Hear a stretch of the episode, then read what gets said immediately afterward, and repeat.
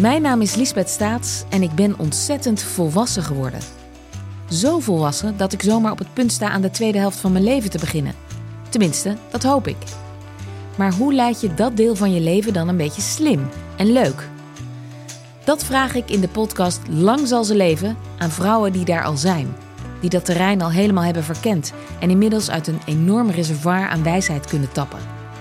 Ik praat onder andere met Annemarie Oster, Petra Lasseur, Annemarie Jortsma en Tineke de Nooi in Lang zal ze leven.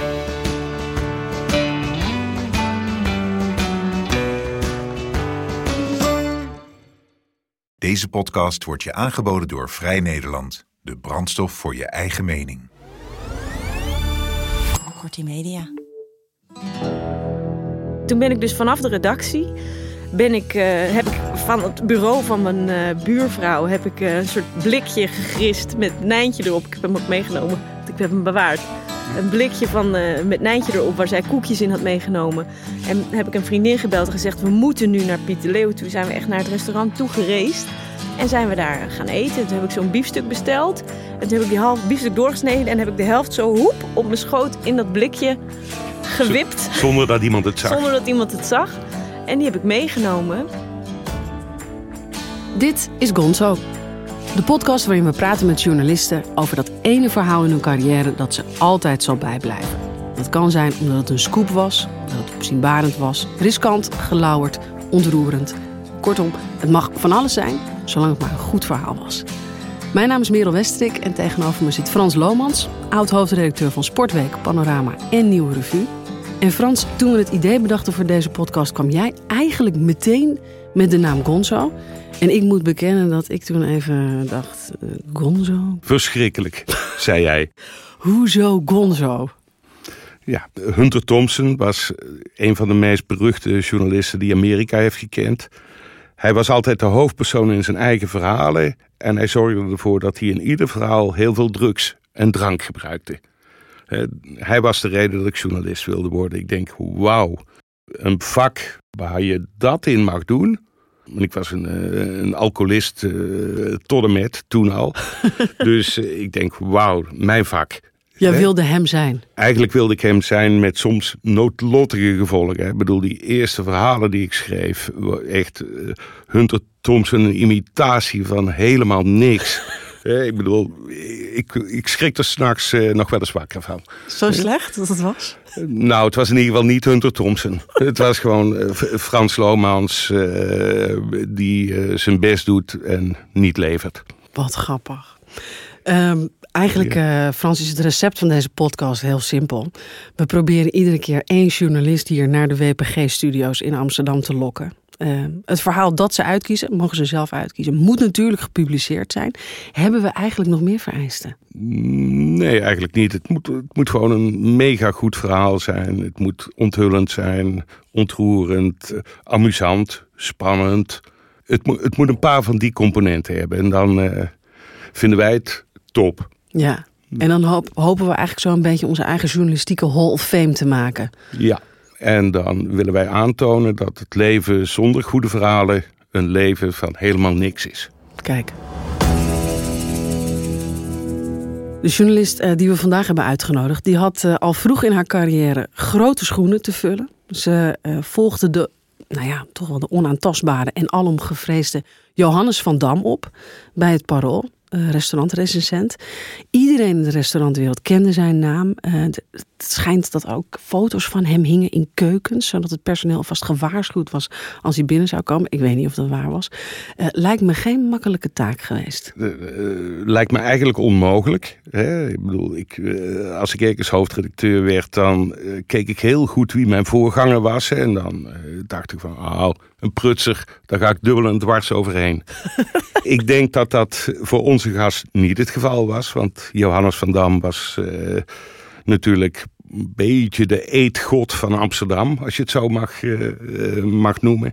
Maar dan wil ik er wel even bij zeggen dat ik na vier weken dacht van... Nou, eigenlijk is ze minimaal zo goed en wellicht wel beter dan Van Dam. Dus ik verheug me erop dat ze er is. Kijk, Jij ook? ja zeker. Ze zit hier, Hiske Versprillen. Hallo. Hi, culinair journalist en restaurantrecensent bij de Volkskrant. Fijn dat je er bent. Uh, Hiske, even in het kort. Je begon met schrijven in 2010. Toen ben je al snel verslaggever geworden bij het Parool. Daar werd je ook restaurantrecensent. Of je volgde Johannes van Dam op.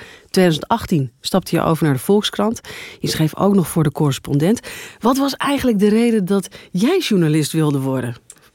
Ja, ehm, nou, ik ben er echt via allerlei rare omwegen eigenlijk terechtgekomen. Um, maar ik heb wel vanaf dat ik heel jong was altijd veel en graag uh, geschreven. Maar ik heb filosofie gestudeerd. Daar moet je ook veel bij schrijven en lezen. Dus uh, dat heeft ook meegeholpen. Maar die, uh, die journalistiek... Ik heb de PDOJ gedaan in Rotterdam op een gegeven moment. Maar daar ben ik weer gekomen via een hele omweg richting, door de restaurantkeukens heen. Want ik werkte als kok al tijdens mijn middelbare schooltijd en tijdens mijn uh, studietijd ook. Daardoor dacht ik op een gegeven moment, ik wil graag over eten gaan schrijven. Want er was niet zo heel veel. Je had Johannes van Dam, maar verder over jonge koks of dat soort dingen werd eigenlijk heel weinig geschreven. En dat lukte me niet. Ik kreeg die stukken niet af. Ik ging voor Hard Hoofd, voor zo'n online tijdschrift, ging ik stukjes schrijven. Ik dacht, ik moet gewoon leren om stukken af te maken. En toen ben ik PDOJ gaan doen. Wat uh, is PDOJ? Ja, de PDOJ was dus een journalistiek opleiding van de Erasmus Universiteit uh, in Rotterdam. Oké. Okay. Um, en dat was een soort commando-opleiding. Dat kon je gaan doen als je dus al een master had gedaan in een ander vak. Het duurde acht maanden en het was vijf maanden echt stukjes tikken. Dus we zaten alleen maar in zo'n soort kelder in de universiteit. Uh, alleen maar nieuwsberichtjes over Amsterdam, uh, over Rotterdam en over spreeuwenplagen en over allerlei kleine dingetjes. Dus was echt gewoon echt zo heel erg het vak leren, het in de vingers krijgen. En daarop volgde dan een stage van drie maanden. Was eigenlijk een supergoeie opleiding. Zeker voor iemand als ik, die, die ook niet nog een keer een hele studie wilde doen of zo. Um, maar hij bestaat niet meer, helaas. Hij is, uh, hij is hey, een en, paar jaar geleden En wanneer wist je dat je uh, talent had, dat je het kon?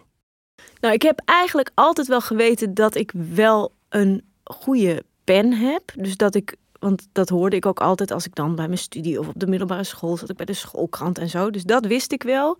Maar dat die journalistiek zo leuk was, dat merkte ik echt heel erg tijdens mijn stage bij het Parool. Dus mijn stagebegeleider Frans Bosman, die heeft me echt jaren later ook nog wel eens gezegd dat ik echt helemaal verliefd over de redactie liep en echt zo uitriep tegen hem: ik kan gewoon niet geloven dat mensen hiervoor betaald worden. Want ik vond het echt zo verschrikkelijk leuk en het Parool is eigenlijk ook een fantastische plek om stage te lopen, omdat het een vrij kleine krant is waar je ook tijdens je stage eigenlijk al heel veel mag doen. Dus ik heb bijvoorbeeld tijdens die stage ben ik met uh, een dag met verkeersregelaars mee uh, de straat opgegaan. Dan moest ik zo'n pak aan en ik stond ook meteen op de middenspread, op de foto. Dat ik dacht, hé, wat is dit nou? Ik ben gewoon een stagiair. Of ik ging met uh, uh, van die uh, morgensterren mee om te kijken waar het. Ik had een bed naast de, een oud bed naast de weg gezet en die was de volgende dag weg. Dat ik dacht, hoe kan het nou? Waar gaat dat bed eigenlijk heen? Dat ik ging kijken waar, hoe die oud ijzerlijnen door de stad liepen. Ik dacht, wat interessant. Ik mag gewoon alles vragen. En ik ben van mezelf eigenlijk best wel een verlegen iemand. Maar als ik aan het werk ben, dan durf ik echt alles. Dus dat was ook een hele fijne, soort van bevrijdende ervaring. Dat je gewoon helemaal achter je eigen nieuwsgierigheid aan mag gaan. Kortom, er was van je leven helemaal niks terechtgekomen als je niet journalist was geworden. Dat weet ik niet. Oh. dan had ik misschien ergens nog in een keuken gestaan of misschien iets anders geschreven. Maar het was wel echt een soort liefde op het eerste gezicht bij het parool. En die liefde was ook wel wederzijds. Dus um, ja, dat was heel leuk. Er zit nog wel veel tussen uh, een stage lopen bij het Parool en in één keer de schoenen van Johannes van Dam uh, moeten vullen. Hoe, hoe, hoe ging dat? Nou, het rare was dat, er, dat daar dus eigenlijk maar anderhalf jaar tussen zat. Dus het was, het was echt een soort. Ik had. Ik, het, ik maakte echt een soort van rare vliegende start. En dat had met verschillende dingen te maken. Um, ten eerste dat Johannes schreef natuurlijk al heel lang over restaurants voor het Parool. Um, maar het was in een periode dat er in de stad verschrikkelijk veel gebeurde. Uh, dus na, zeg maar, na de financiële crisis waren veel restaurants gesloten en openden er ook veel nieuwe restaurants van jonge koks die andere ambities hadden. Niet per se voor die sterren wilden gaan, maar eigenlijk heel goed voor de middenklasse wilden koken. Zaken als Rijssel, um, uh, de Goudfazant, het gewoon uh, Amsterdamse zaken, die hele goede middenklasse zaken. Je kreeg ineens foodfestivals, de rollende keukens. Er waren ineens allemaal allemaal jongens met baarden en tattoos die worst gingen maken en bier gingen brouwen. Ja. Het was echt een soort, eh, een soort eh, nou ja, eh, wedergeboorte van een, van een nieuwe gastronomische orde in de stad. Maar Johannes, die was eigenlijk al in vrij slechte gezondheid. Dus er was bij het niemand die daarover schreef. En omdat ik een achtergrond had in keukens en die dat netwerk ook al had en die interesse had, ben ik toen echt in dat gat gesprongen. En dat eh, werkte op dat moment gewoon heel goed. Ja, en toen overleed Johannes. eh, toch nog vrij plotseling en vrij jong. En nou ja, ik had wel een keer laten vallen dat ik misschien in de toekomst, als ik groot was, eh, ook wel de ambitie had om zoiets te gaan doen. Maar ik had natuurlijk ook niet verwacht dat dat al zo snel zou zijn. En ik vind ook nog steeds, nou ja, het is nu eh, negen jaar geleden. Ik vind nog steeds, als, zeker nu als ik terugkijk, dat ik denk, ja, ik was nog maar net bezig. Wat een ballsy move van Barbara van Beukering, dat ze mij toen die positie heeft gegund. Ook, ook ballsy van jou hoor. Want dat was toen de hoofdredacteur van het Parool, Ja. Barbara. Ja. Die gaf jou gewoon die plek. Ja. Ja. Toch best wel snel of zo. Ja, nou ja. Goed. En ik- dat was voor mij was het echt. Ik scheet natuurlijk 80 kleuren bagger, want het was hartstikke eng. Ik had zelf ook in keukens meegemaakt dat ik zelf aan het werk was en dat Johannes kwam eten. Ehm, en wat dat doet in een restaurant eh, als hij binnenkwam. En dat ik echt het gevoel had van ik loop gewoon over naar de dark side. ik dacht iedereen gaat me haten. Maar ben je ook wel eens beoordeeld door hem in de tijd dat je nog kok was?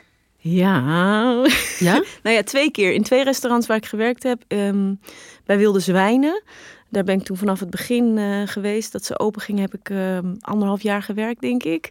Eh, dat was best een goede recensie. Maar ik heb langer geleden, toen ik denk ik een jaar of 22 was... werkte ik bij Café Cox. Voor eigenlijk een hele leuke chef. Maar eh, die, eh, dat, dat, dat concept, dat werkte op dat moment gewoon niet. Er kwamen veel te weinig mensen. En dat was echt een een, nou ja, echt zo'n zo'n angstdroom, zeg maar. Dat hij, hij kwam toen binnen en ik en eh, ehm, eh, de, het meisje van de bediening, die schrok zo ontzettend. Die kwam geloof ik met een bord soep naar tafel en die was zo aan het bibberen dat ze toen dat bord soep heeft leeggegooid in zijn hoed, die op de stoel naast hem eh, stond. En ik had de dag daarvoor had ik eh griesmeelpudding gemaakt. Ja. En eh, die was geloof ik niet zo heel goed uitgevallen. En die werd toen door Johannes in het stuk eh, vergeleken met bouwmateriaal. En we kregen een 4,5. Dus dat was echt verschrikkelijk. Ja, dus die, ja, dat was, Terecht. ja, ik ben bang van wel. Ik ben bang van wel. Jemig. Het verhaal. Ja, eh eh, toen we jou vroegen om hier te komen praten over dat ene verhaal in je carrière dat je eigenlijk altijd zal bijblijven. Wist je toen eigenlijk meteen welk verhaal het moest zijn? Ja, zeker. Ja. ja. En waarom is het dit verhaal geworden? Waar we het zo over gaan hebben. Nou ja, omdat dat. Daar kom ik, omdat het een verhaal is waar ik gewoon nooit meer overheen kom. Dat weet je nu Het is gewoon zo heel verdrietig dat je zo vroeg in je carrière al gepiekt hebt. nee, de, ja, dus dat, dat is voor mij is dat echt de, ook. eh, ik denk er ook nog heel vaak aan, omdat het eh, een hele eh, wonderlijke ervaring is om dat zo'n verhaal op zo'n manier met je op de loop gaat. Het is eigenlijk iets wat ik toevallig tegenkwam en wat vervolgens in een soort stroomversnelling gewoon in twee dagen totaal uit de hand liep en iets heel raars en iets heel groots werd. Ehm, dus ja, nee, ja, het, het- was meteen duidelijk. Het verhaal waar we het eh, over gaan hebben, dat werd op 14 februari 2013 gepubliceerd in het Parool. En jij onthulde dat Steakhouse Piet de Leeuw in de Amsterdamse Noorderstraat, eh, echt een begrip in Amsterdam, 63 jaar lang stiekem paardenbiefstuk serveerde. In plaats van rundvlees. In ja. plaats van rundvlees, Ja. inderdaad. Laten we bij het begin beginnen. Wat is het startpunt van dit verhaal? Hoe kwam het tot je? Nou, het was eigenlijk een periode waarin er veel te doen was over paardenvlees. Want ehm, door heel Europa waren mensen erachter gekomen, dus de NVWA en vergelijkbare instanties, dat er in de keten van runder gehakt eh, paardenvlees werd bijgemengd. Dus er waren ineens allerlei plekken waar paardenvlees opdook. In hamburgers, in supermarkten, bij snackbars, eh, in de lasagne van de Euroshopper. Echt Oh ja, die- overal dook. Bij, bij de, ik geloof ook bij de Burger King. Er bleek ineens dat in al die, dat wat rundvlees, runder gehakt zou moeten zijn, dat daar paardenvlees in zat. En dat sloeg heel erg aan, omdat het ook aangaf hoe ondoorzichtig die vleesketen was. Dus dat dat vlees voortdurend werd ontdooid en weer bevroren en weer bijgemengd en dan weer bevroren en dan werden er dingen van gemaakt. En dus het werd eigenlijk duidelijk dat ook de leveranciers zelf vaak helemaal niet zo goed wisten waar dat vlees vandaan kwam. Dus dat was echt een, ja, een, een groot verhaal wat op dat moment in allerlei media uh, rondging. Paardenvlees was hot. Paardenvlees was hot. En ik dacht, nou, volgens mij werd er vroeger best wel veel paardenvlees gegeten. Ehm, ik wist ook dat er in veel steden altijd paardenslagers waren. Die dan de oude trek- en werkpaarden slachten en dat die dan werden, werden, werden gegeten. Ik had zelf ook nog wel eens een, een, een broodje met paardenrookvlees. Dat, dat, dat lag ook nog gewoon in de supermarkt. Ik dacht, hoe zit dat eigenlijk met dat eten van paarden? Waarom willen we dat niet? Of eten sommige mensen het nog wel?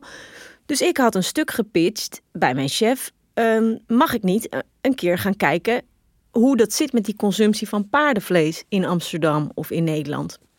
Dus ik zag gewoon, ik had het ook al ongeveer geschreven, een stuk over, eh, nou ja, over eh, bedrog in voedsel en over paardenslagers. Ja.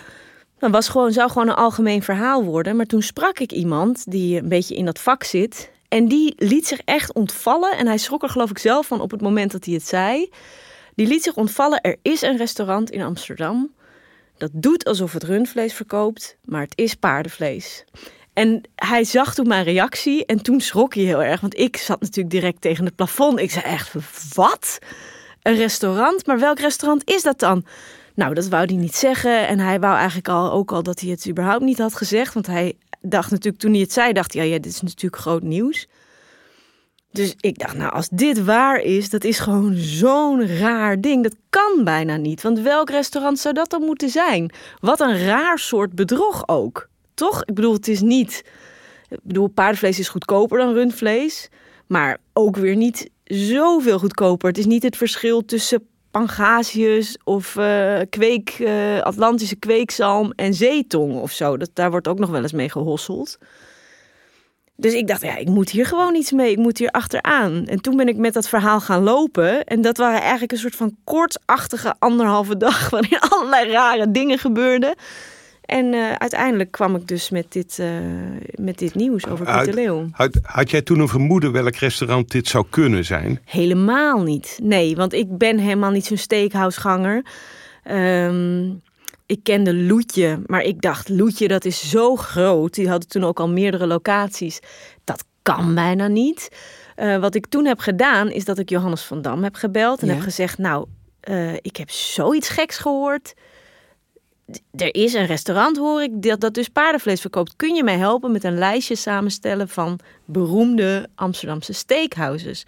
Nou, daar wilde die me wel mee helpen. En hij heeft me toen een lijstje gestuurd met zes restaurants erop. Oké. Um, dus zes restaurants die echt bekend stonden om hun biefstuk. ja. En ik dacht, nou ja, ik ga ze maar gewoon bellen en dan vraag ik het gewoon. Oké, en deed je dat dan vanaf de redactie? Ja. Oké. Ja. Dus toen ben je ze één voor één gaan opbellen? Ja, ben ik ze gaan bellen en dan belde Hoe deed je dat dan? Hoe... Nou, ik belde dan uh, Loetje, ik zeg maar wat. Ja. En dan nam er iemand op en dan zei ik, uh, ja, nou goed, met Hiske van het Parool, ik heb een vraag. Is het waar dat jullie paardenvlees verkopen? Gewoon In plaats van rundvlees? Ja. Nou, en eigenlijk al die eh, restaurants die reageerden uh, heel lacherig. Die zeiden, wat? Natuurlijk niet. Paardenvlees, wat een rare vraag. Nee, natuurlijk niet. Zo. En toen belde ik Pieter Leeuw. En ik kreeg toen toevallig de eigenaar aan de telefoon, uh, Loek van Tiel. En ik vroeg ook aan hem, klopt het dat jullie paardenvlees verkopen? Toen was het eerst heel lang stil. Toen zei hij, nee. Oh, nee. nee. nee, hoe komt u er? Waar heeft u dat gehoord? en ik had echt een soort, toch een soort, ik dacht, nou die man liegt. Dit was een nee, dat klonk als een ja. Ja, dit, ik, ik had gewoon een hele sterke intuïtie. Nou ja, dit is echt alsof je een kind een leugen hoort vertellen. Hm. Ik, volgens mij liegt hij. Maar dat was dus al best wel aan het einde van de dag. Uh, en ik dacht, ja, maar goed, dan, is het, dan weet ik nog steeds niks. Want hij zegt nee, ja, ik kan er niet opschrijven. Hij klonk alsof hij ja. uh, loog.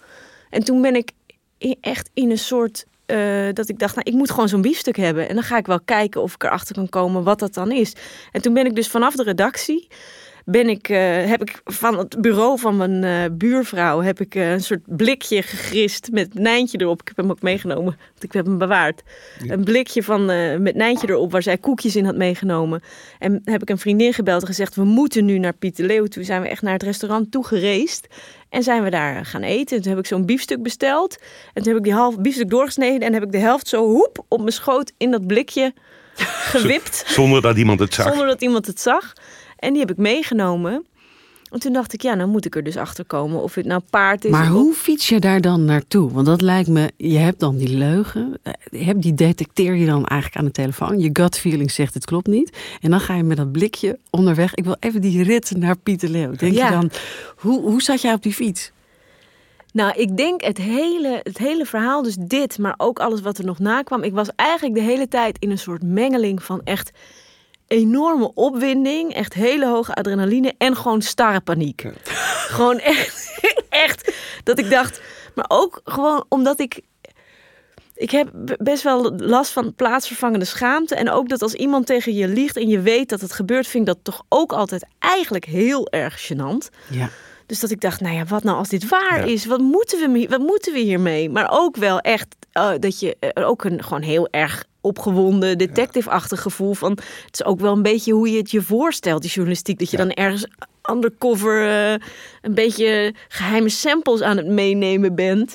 En toen had ik dus die, eh, die biefstuk...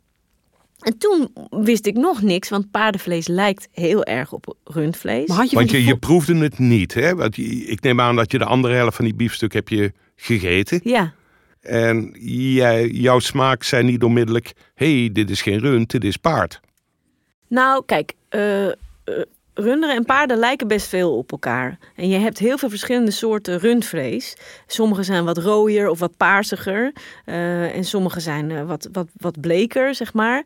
Ehm, en paardenvlees lijkt eigenlijk gewoon op vrij ijzerrijk, goed doorbloed, donker, bijna paars rundvlees. Dat heb je soms ook bij runderen. Dat weet ik nu hoor, dat wist ik toen nog niet Ja. Die eh, bijvoorbeeld uit Zuid-Amerika komen. Bepaalde rassen die daar eh, worden, worden gefokt. Maar het, dus het is niet dat je denkt van... Het is niet het verschil tussen kip en varken of zo... waar je het verschil vrij goed kan zien. Het, is, het lijkt echt best wel op elkaar. Ook qua vezels en je eet het rood. En, dus nee, ik dacht het is vrij ijzerrijk rundvlees, dacht ik. Ik zag het heeft hele lange vezels. Maar ik zou zelf niet mijn hand Nee. ervoor in het vuur durven steken dat het paard was. Je had bevestiging nodig. Zeker. En had je van tevoren ook echt bedacht, ik moet een stuk meenemen? Want wat was je plan daarbij? Nou, dat ik dacht, ik moet uitzoeken of dit run. Of eh, ja, ik moet er acht. Ik, ik dacht, daarom had ik ook dat blikje meegenomen. Ik dacht, ik moet het gewoon aan experts voorleggen. Ik ga ermee naar een slager. Of ik. eh, of ik dacht nog, ik ga ermee naar Johannes van Dam. Ik heb net nog even in mijn inbox gekeken. Ik heb hem inderdaad ook gemaild. Van, eh, ik heb dat stukje vlees mee, eh, kun je me helpen? En toen stuurde hij terug, nee, ik zou zeggen, ga ermee naar een slager.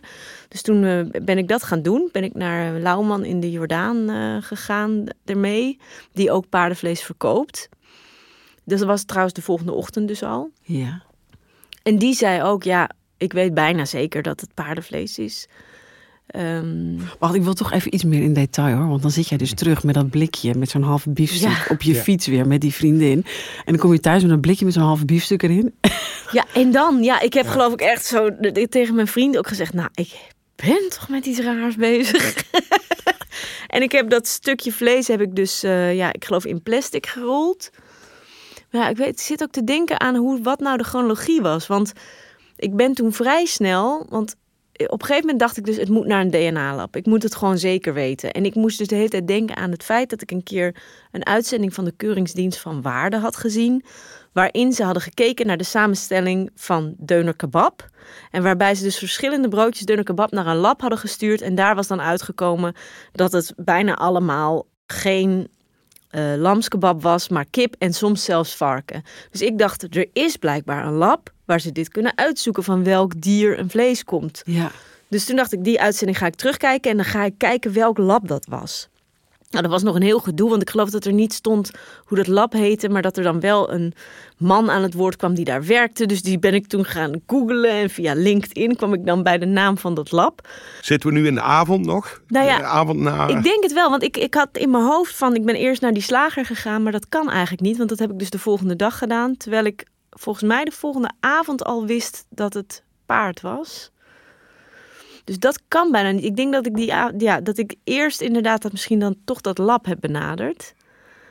En eh, ik vroeg, ik was dus, ik weet ook nog dat ik dus heel erg opgewonden was. en dat ik echt die man aan de telefoon had. En dat ik zei, nou ik heb, sorry, ik heb een hele rare vraag voor u. Ik heb hier dus een biefstuk en ik moet weten. En die man die bleef heel kalm. Die zei, nou natuurlijk kunnen we dat uitzoeken. Ja hoor, nou dan moet u dat maar even naar ons toesturen. En dat ik zei, ja maar ik heb ook heel erg haast. En ik moet het echt heel snel weten. En eh, dat hij zei, nou stuur maar een koerier. Dus toen moest ik nog met dat stuk vlees in een envelop moest ik naar een soort. Ja, het leek ook wel een soort achteringang van een, van een eh, grote apotheek. Waar ze dan allemaal postvakjes hebben. Een soort couriersdienst. Waar, dat, waar ook allerlei medische samples van ziekenhuizen dan naartoe moesten en zo. Nou, daar moest mijn biefstuk dan heen. En die ging dan eh, per koerier naar dat, eh, naar dat lab in Rotterdam. Dus het was de ochtend daarop. Toen had ik dus al van de slager gehoord. Ik denk dat het paard is, maar ik weet het niet zeker. Ja. Ik, had al, ik was ook naar de hoofdleermeester van, eh, van de koksopleiding van het ROC geweest ermee. Die zei ook, ja, ik weet bijna zeker dat het paard is. Maar ja, het lijkt ook wel heel erg op rund, dus je kunt dat niet zeker weten. En toen, de volgende ochtend, kreeg ik dus de e-mail van het lab.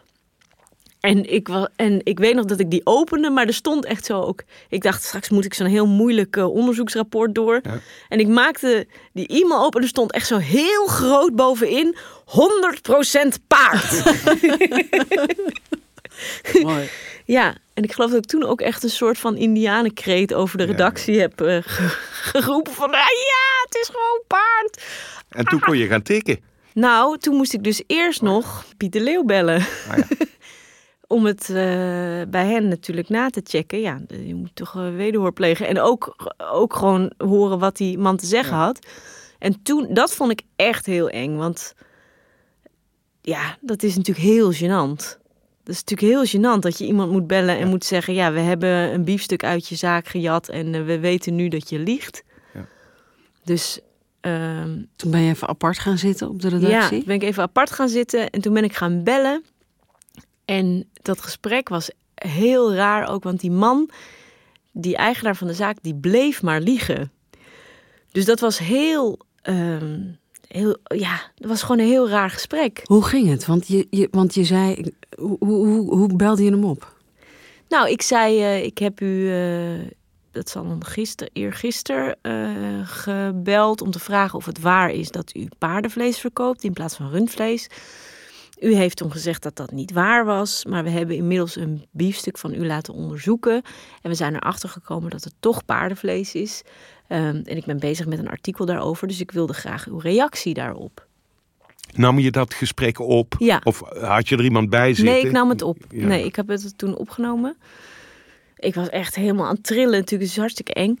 Eh, en die man die zei, eh, nee hoor, wij verkopen geen paardenbiefstuk. Wij verkopen Zuid-Amerikaanse runderhaas.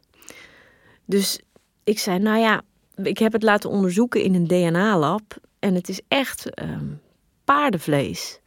En toen zei die man, en dat vergeet ik echt nooit meer, die zei... Nou, dat is wel heel raar, ja. Dat is wel heel raar. Misschien dat ik bij de groothandel ehm, een verkeerd pakje heb gepakt... en dat er misschien een stuk paard tussendoor is geglipt. en ik weet ook nog dat ik toen zei... ja, maar dat zou wel echt heel toevallig zijn... dat ik dus van iemand hoor dat u paardenvlees verkoopt... dat dat niet waar is... maar dat u dan wel net dat ene stukje wat ik heb meegenomen... per ongeluk uit de, in de groothandel verkeerd heeft gepakt... en dat dat dan net wel paardenvlees is. Dat kan bijna niet. Nou ja, goed, hij zei toch van... nou ja, dat, eh, toch is het zo. Het is geen paardenvlees. Wij verkopen Zuid-Amerikaanse runderhaas. Wat dacht je toen? Ja, ik, ik, we- ik denk dat ik dacht, ja, of kunnen we dit stuk nu wel schrijven? Want je Ja, gaat misschien dat- toch twijfelen dan, Ja. hè? Ja, Nou ja, daar dacht je dat? eh, Heb je ja. dat wel een moment gedacht? Ja, dat ik dacht van, eh, hoe gaan we dit, nou- hoe kan ik dit nou in een stuk zetten? Moet Dat- ik nog een biefstuk in mijn blikje knallen? Nou ja, maar het was vooral dat Ja. ik zelf dus de hele tijd twijfelde van hoe kunnen we dit nou netjes in de krant zetten. Maar dat mijn chef en mijn collega's, die waren de hele tijd hoera! Ja. ja, het was vond- natuurlijk een zegen voor het verhaal Nou ja, dat hij maar bleef liegen. Nee, nou, het was echt, want dat is dus nog zoiets wat zo bijzonder was aan dit verhaal. Is dat het was echt alsof er een soort beschermengeltje de hele tijd die timing helemaal goed neerzette. Want het was dus ook nog zo, ik had dus net die man opgehangen. En toen belde, werd ik gebeld door Fontijn Vlees. En Fontijn Vlees was de leverancier Aha. van, ehm van Piet de Leeuw. Want dat hadden ze geloof ik wel tegen mij gezegd dat ze hun vlees daar vandaan haalden. Dus ik had die man net opgehangen en de, de krant moest ook naar de drukker. Want die, die, eh, die deadline die lag zeg maar volgens mij om kwart over elf of zo, half twaalf. En toen belde Fontijn. En de baas van Fontijn die zei tegen mij: Nou, ik heb gehoord dat u iets wil weten over het vlees, dit en dat. Dus ik zei: Nou, ik ben bezig met een stuk over Piet de Leeuw. Hij eh, zegt dat hij rundvlees verkoopt. Ik weet dat hij paardenvlees verkoopt. Kan het zijn dat er bij jullie iets is misgegaan? Zei ik tegen de leverancier. En die leverancier zegt tegen mij: Nou, zolang ik bij Fontijn Vlees werk, en dat is toch al zeker 15 jaar, verkopen wij elke week aan Piet de Leeuw dozen vol paard. Dus toen had je je bevestiging. Dozen vol paard. En ik zei, ja, maar kan het dan niet zijn dat hij zich vergist heeft? Nee hoor, zei die man, dat kan niet. Want die dozen, daar staat een paard op.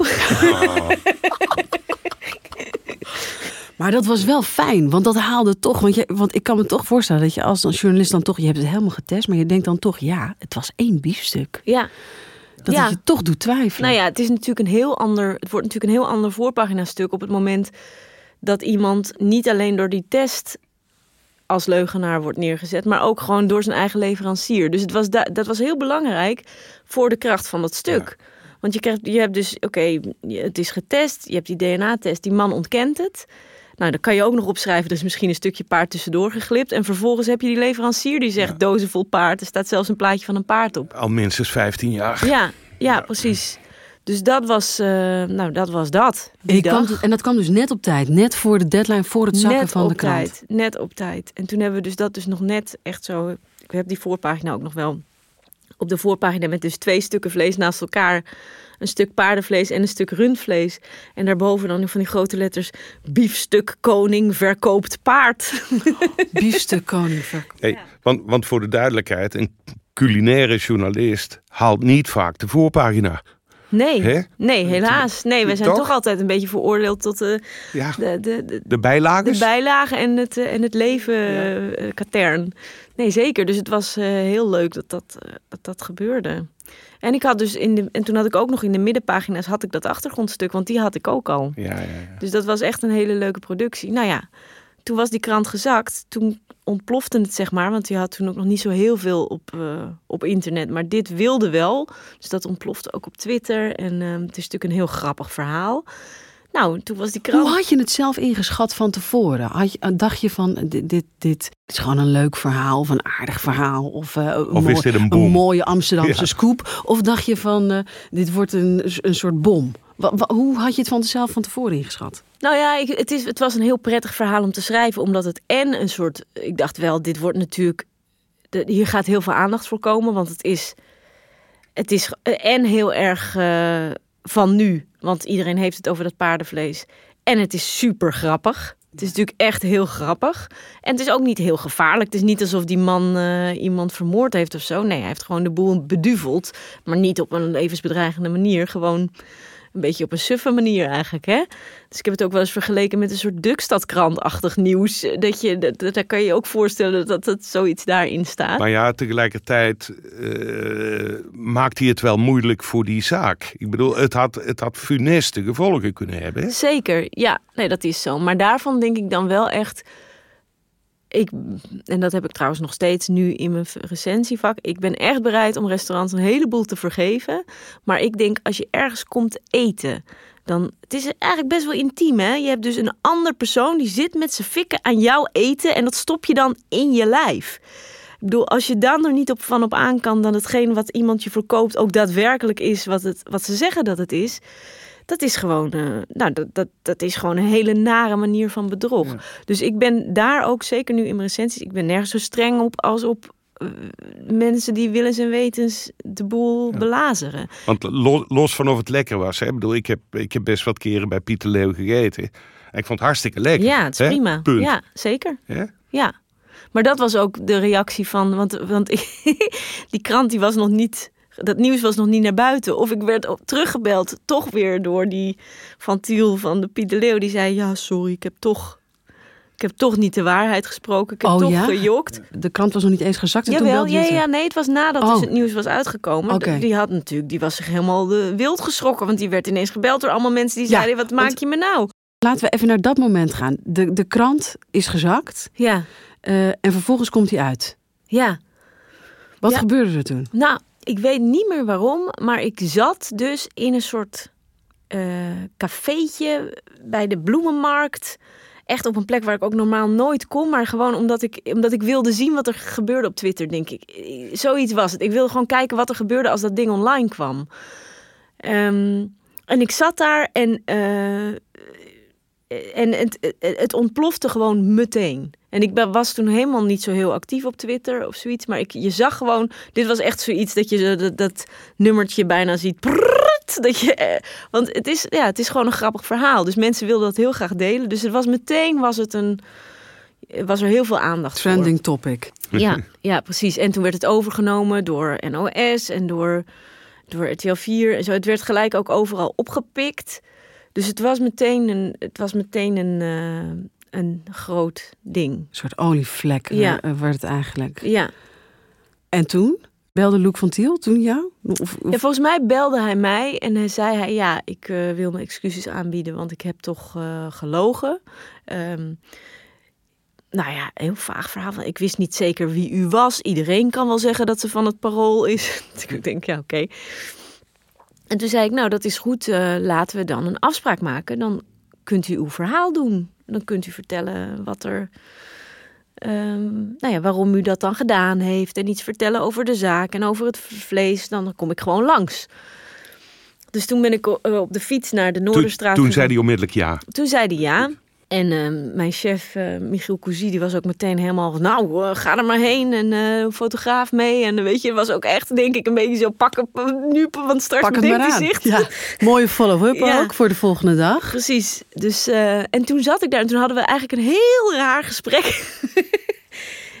een heel raar gesprek dat hij dus, hij bleef maar, hij zei gewoon allemaal hele gekke dingen. Hij zei, hij zei dan van, ja, paardenvlees is het beste vlees wat er is. Eh, mensen vragen mij voortdurend, eh hey eh Loek, eh, hoe kom je aan dat heerlijke malse vlees? Ja, wat moet ik nou zeggen? Dat komt omdat het van een, van een paardenvlees is. Ja, dat ga ik natuurlijk niet zeggen. Zo, en dat ik dan zei, ja, maar goed, er zijn nu allemaal mensen boos. Ja, zegt hij, ja, het ligt wel gevoelig, dat paardenvlees. Ja, dat komt denk ik omdat het het vlees van een paard is. ja. Ja, dus de- hij had echt, eh, nou ja, ik weet het niet. Ik denk dan ook af en toe, ik heb wel vaker dat soort mensen gesproken waarvan je echt denkt, heb jij een soort moreel defect of zo? Of heb je een soort kronkel in je hoofd waardoor je niet ziet dat het echt best wel gek is wat je nu zegt? Maar hij, eh, ehm, nou ja, hij had volgens mij echt het idee dat hij niks verkeerd had gedaan. Of als hij wel iets verkeerd had gedaan, dat het ook wel weer recht te praten was of zo. Want het was immers zo'n lekker mal stukje vlees. Dus wat deed ik nou eigenlijk moeilijk? Wat, wat, wat, wat vonden al die mensen daar nou zo erg aan? Hij had toch niks, eh, hij had toch niks verkeerd gedaan? En toen zei, toen zei ik ook nog... eh, oh ja, toen zei hij... ehm, er is eh, zoveel gedoe over die lasagna's en over dat dat paardenvlees erin de, overal doorheen zit. Ja, dat is echt een hele slechte zaak. Dat vond hij wel een slechte Ja, zaak. en toen zei ik, nou, ik, eh, ik zou toch zeggen dat juist u dat helemaal geen probleem zou moeten vinden. En dat hij zei, ja, maar dat is toch heel anders in de supermarkt of in een restaurant. Ja, dat is mijn mening hoor, dat is gewoon iets heel anders.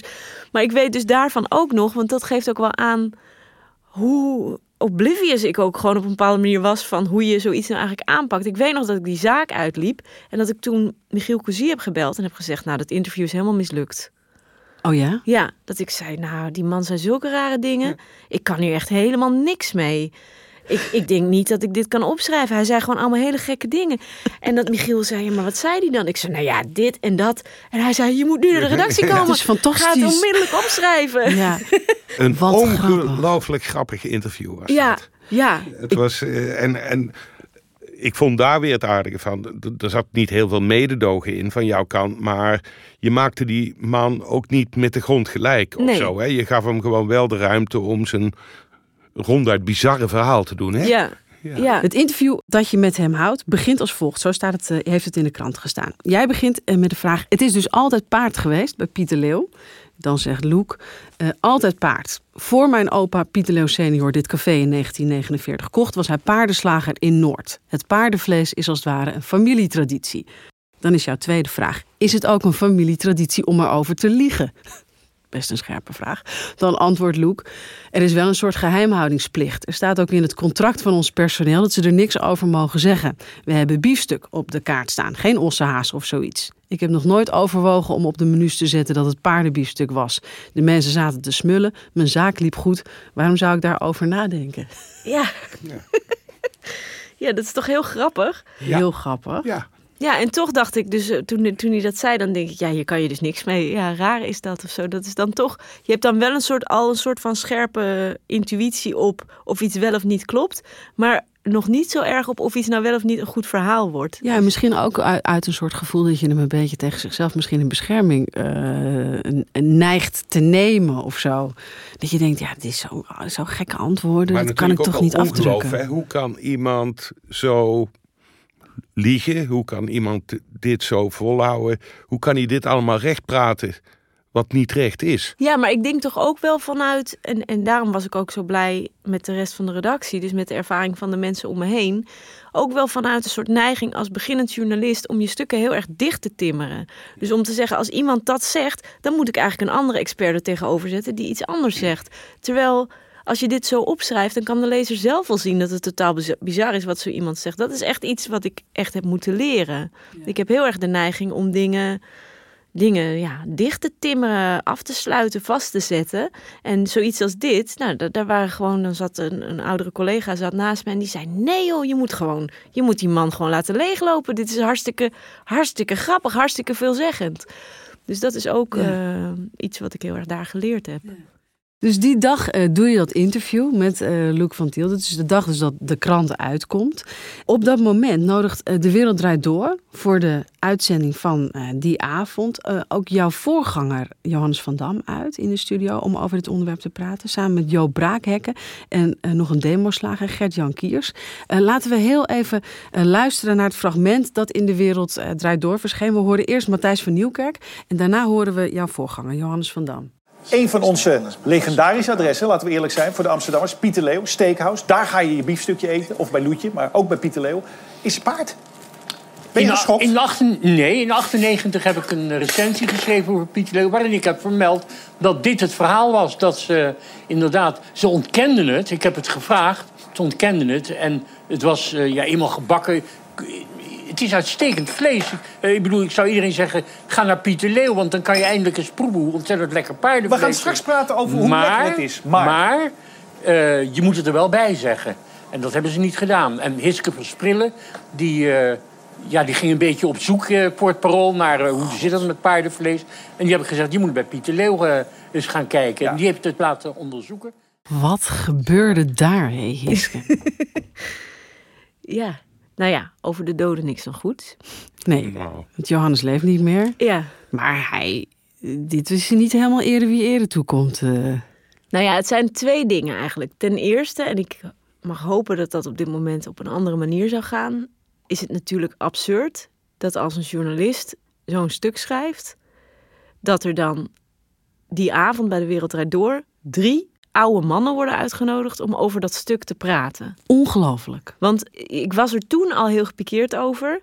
En nu denk ik helemaal, hoe krijg, je, hoe krijg je dat nou voor elkaar? Ik ben niet eens gebeld door de Wereldrijd Door. Niet eens om het verhaal te horen van mijn kant. Helemaal niks. Dus dat, dat is allemaal niet opgedoken in de Matthijs van Nieuwkerk-affaire. Terwijl dit natuurlijk ook is. eh, Nee, nou ja, goed. Ik weet niet of hij er nou per se iets Nee, aan kan hoor. doen. Maar het is gewoon Maar het was schandalig. het feit dat dat op die Ja. manier ging. Dat is Ja. natuurlijk echt heel erg raar. Ik bedoel, het is nog maar tien jaar geleden. De maker van het verhaal werd niet uitgenodigd. Nee, nee. Omdat, denk jij? Dat weet ik niet, omdat ik niet bekend genoeg was of omdat ik een jonge vrouw was. Of ik weet niet, dat, ik weet niet precies waarom. Maar het feit is dat ze dus drie oude mannen Ja. uitnodigen om over het verhaal van een jonge vrouwelijke journalist te praten. Nou, dat vind ik echt heel erg. Vind ik echt heel stom. En wat er gebeurde was, kijk, Johannes van Dam heeft Pieter Leeuw twee keer gerecenseerd. En twee keer zegt hij in zijn recensies Men zegt dat het paardenvlees is. Dat is absoluut niet waar. Het is rundvlees. Dus hoewel ik het fijn vond natuurlijk dat Johannes van Dam mijn naam noemde in het interview. Dat heeft hij twee keer gedaan. Uh, veegt hij ook heel erg zijn eigen straatje schoon wat betreft of hij dit nou wist of niet. Want hij wist dit niet. Kijk, uh, hij, ik heb hem gevraagd. Ik, ik heb gehoord dat, dit, dat er een restaurant bestaat die dit doet.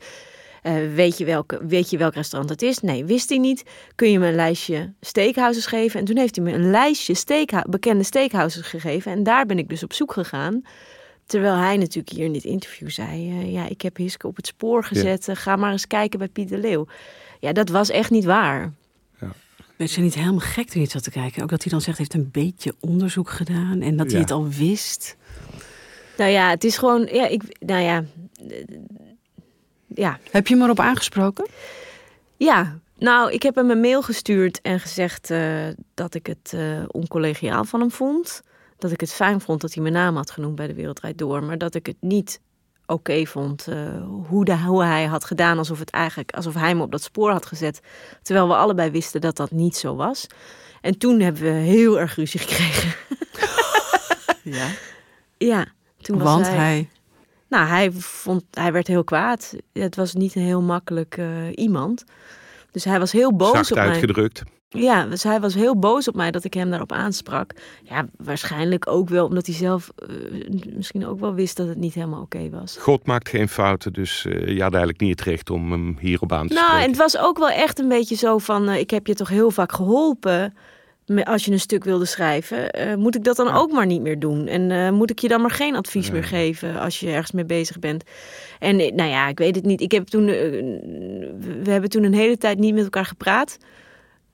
En toen uiteindelijk, gelukkig, voordat hij overleed, hebben we het nog wel goed gemaakt. Maar dat heb ik toen wel echt gedaan door ongeveer voor hem op de grond te gaan liggen.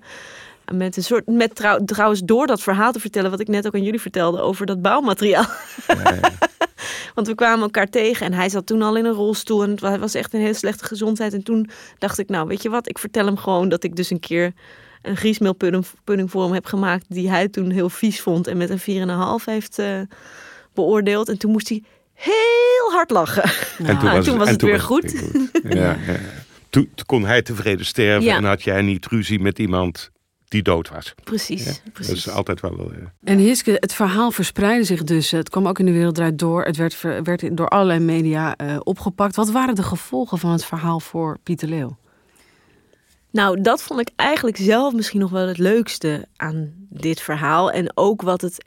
Misschien, kijk, er wordt nu heel vaak gepraat over mensen, over cancel culture en over dat je niks meer mag doen en niks meer mag zeggen. Maar wat eigenlijk heel leuk was aan dit verhaal was dat Amsterdam Pieter Leeuw eigenlijk juist heel erg omhelsde. Dus er werd echt wel, mensen waren, sommige mensen waren echt wel boos. Er waren, waren mensen die zich echt belazerd voelden. Er waren ook mensen die bijvoorbeeld kosher wilden eten. Die mogen geen paard eten, maar die daar dan toch paard hadden gegeten. Dus er was echt wel ook wel kwaaiigheid over. Kamervragen van eh, Partij voor de Dieren, dat soort dingen. Maar tegelijkertijd, ik denk ook mede dan, dankzij eh, Johannes, die dan bij de Wereld Draait Door had gezegd: paardenvlees, fantastisch vlees. Ik had ook dat stuk geschreven over dat er vroeger zoveel paard werd gegeten. Kreeg het paardenvlees eigenlijk een soort revival. Je had ineens allemaal slagers die het weer gingen verkopen. Er waren allemaal restaurants, Joop Braakhekken onder andere. Die zetten het weer op de kaart. Steak cheval, uh, uh, uh, steak tartaar van, uh, van paardenvlees werd geserveerd. Dus je kreeg eigenlijk door de hele stad... wilden allemaal mensen wilden dat wel een keertje proberen. En Piet Leeuw kreeg het hartstikke druk. Want er waren dus allemaal mensen die daar dat paardenvlees wilden eten. Je had nogal wat op je geweten. Kortom, jij staat aan de wieg van, eh, van de paardenvlees-revival. Ja, nou, ik geloof dat het een kortstondige revival is geweest Oh. hoor. Want ik zie het nu ook helemaal Ja. niet zo heel veel meer. Dus het was misschien een klein hypeje. Want daar hebben we er ook veel van in Amsterdam natuurlijk. Ja.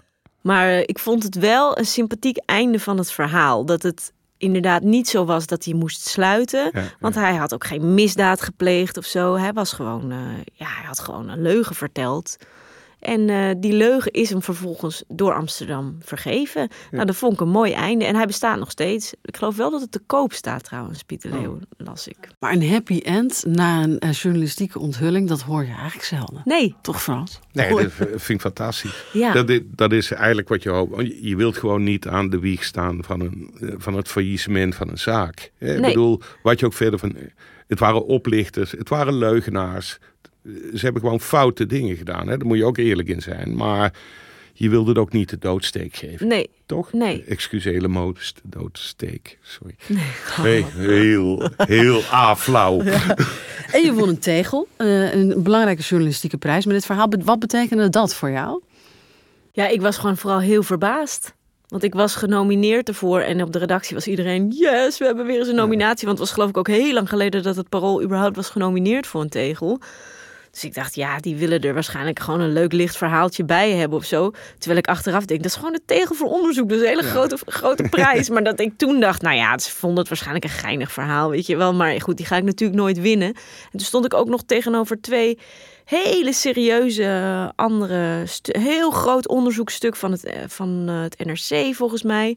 En een hele eh, ingewikkelde eh, documentaire over belastingfraude. Nou, dat ik dacht, ja, maar dat zijn onderzoeksjournalisten, weet je wel. Ik heb gewoon, wat ik zei, een soort Dukstadkrant verhaal geschreven. En toen won ik hem. Nou, ik was echt verbijsterd. Was echt kijk, die, die andere twee verhalen zijn wij vergeten. Hè? En dit verhaal van jou, dat kennen we nog. Ja. Dus dat, dat zegt natuurlijk wel iets over de impact. Hè? Ja. Van, eh, Nou ja, het zit hem ook in de, het zit hem ook denk ik in de eenvoud en in het geinige, Ja, het grappige was- ervan. Het was een duidelijk verhaal, ja. Ja. Je, je hoefde er geen universiteit voor eh, gehad te hebben om het te begrijpen. Nee, en ik vind het ook wel mooi, want het is echt een soort de basics van de journalistiek. Je hoort iets En je gaat het helemaal en je onderzoeken. gaat, het onders- en je gaat erop af. Je Ja. gaat, je gaat, En dat doe je ook nog op de fiets, hè? Ja. Om het helemaal Dukstad eh, te maken. En dan met je haren wapperend in de wind. ja, ga Met je naar zo'n laboratorium, hè, waar je tussen soort- de geneeskundige drugs... eh, een soort leg je Tibbe, je denk ik dan. ja. Weet je wel, Tibbe van Minoes eh, uit het boek. Dat Ja. is ook inderdaad zo'n soort Ja. journalist die dat soort nieuwtjes eh, Ja. achterna gaat. Nieuwtjes uitzoeken Ja. en bevestigd krijgen. En dan eh, net voordat de krant zakt. Ja, het is, prachtig, Ja. Een prachtig verhaal. Hey. Ben je Luc van Tiel eh, van een Steakhouse Pieter Leeuw nog wel eens tegengekomen? Nou, ik ben er dus nog een keer toen ik eenmaal recensent was, want dat was daarna eh, natuurlijk. Ben ik er wezen eten voor een recensie. En toen herkende hij mij gelukkig niet. Ja, daar was je blij mee? ja, daar was ik wel blij mee, ja. Want Wat ik was heb het rapportcijfer? een 7,5. Oké. Ja, want het was. eh hij- Luc van Tiel was echt best wel boos erover. Ik heb hem ook laatst nog een keer in een interview in het AD gezien. En eh, dat hij ook zei: Nou, begin me niet over dat paardenvlees, want dan ga ik weg. Want het, wa- het, had hem, het was ook wel, zeker na dat rare interview, heb ik ook, kreeg ik ook geen contact meer met hem. Toen heeft volgens mij zijn advocaat heeft gezegd: Jij mag echt nooit meer met de pers praten. Alles gaat vanaf nu via mij. Dus alles wat daarna kwam, eh, dus ook in dat stuk over die revival, maar ook, ik heb daarna nog een keer een stuk geschreven naar aanleiding van Kamervragen van Marianne Thieme. Toen kreeg ik eh, hem helemaal niet meer aan de telefoon. Want zijn advocaat had gezegd: nee hoor, we praten helemaal, je mag met helemaal niemand meer praten. Want je zegt zulke rare Nooit, dingen. nooit meer ja. de telefoon opnemen. Ja. Ja, dus eh, nee. Nee, ze was blij dat je je niet herkende. Ja. En je hebt je ook niet even kenbaar gemaakt. Nee. nee oké. Nee, ik, ik ben eigenlijk namelijk heel slecht in confrontaties. Nee hoor. En toch adviseer je journalisten om er altijd Ja. op uit te gaan. Ja. Dat is heel goed. Ik vind het een fantastisch verhaal. Ik vind het ook een Ik, prachtig. wou- ik wou dat ik het geschreven had. Ja. Jij ook? ja, ik ook. Ja, ik heb heel lang bij AT5 gewerkt. Dit verhaal had ik ook willen maken. Ja, ik ook wel. In, in al zijn simpelheid. Zo onthullend. En, nou, Ja. echt, echt het, eh, een hoogtepunt vind ik. Bij wijze van spreken bijna simpele journalistiek. Zo hoort het. Liske, onwijs bedankt voor je komst naar de WPG-studio's hier in Amsterdam. Eh, en dit was Gonzo. Mijn naam is Merel Westerik. Tegenover me zit Frans Lomans. En deze podcast is te beluisteren op onder andere Apple Podcasts en Spotify. Vergeet je vooral niet te abonneren. En mocht je nou vragen hebben of suggesties, mail dan naar gonzo.kortimedia.nl.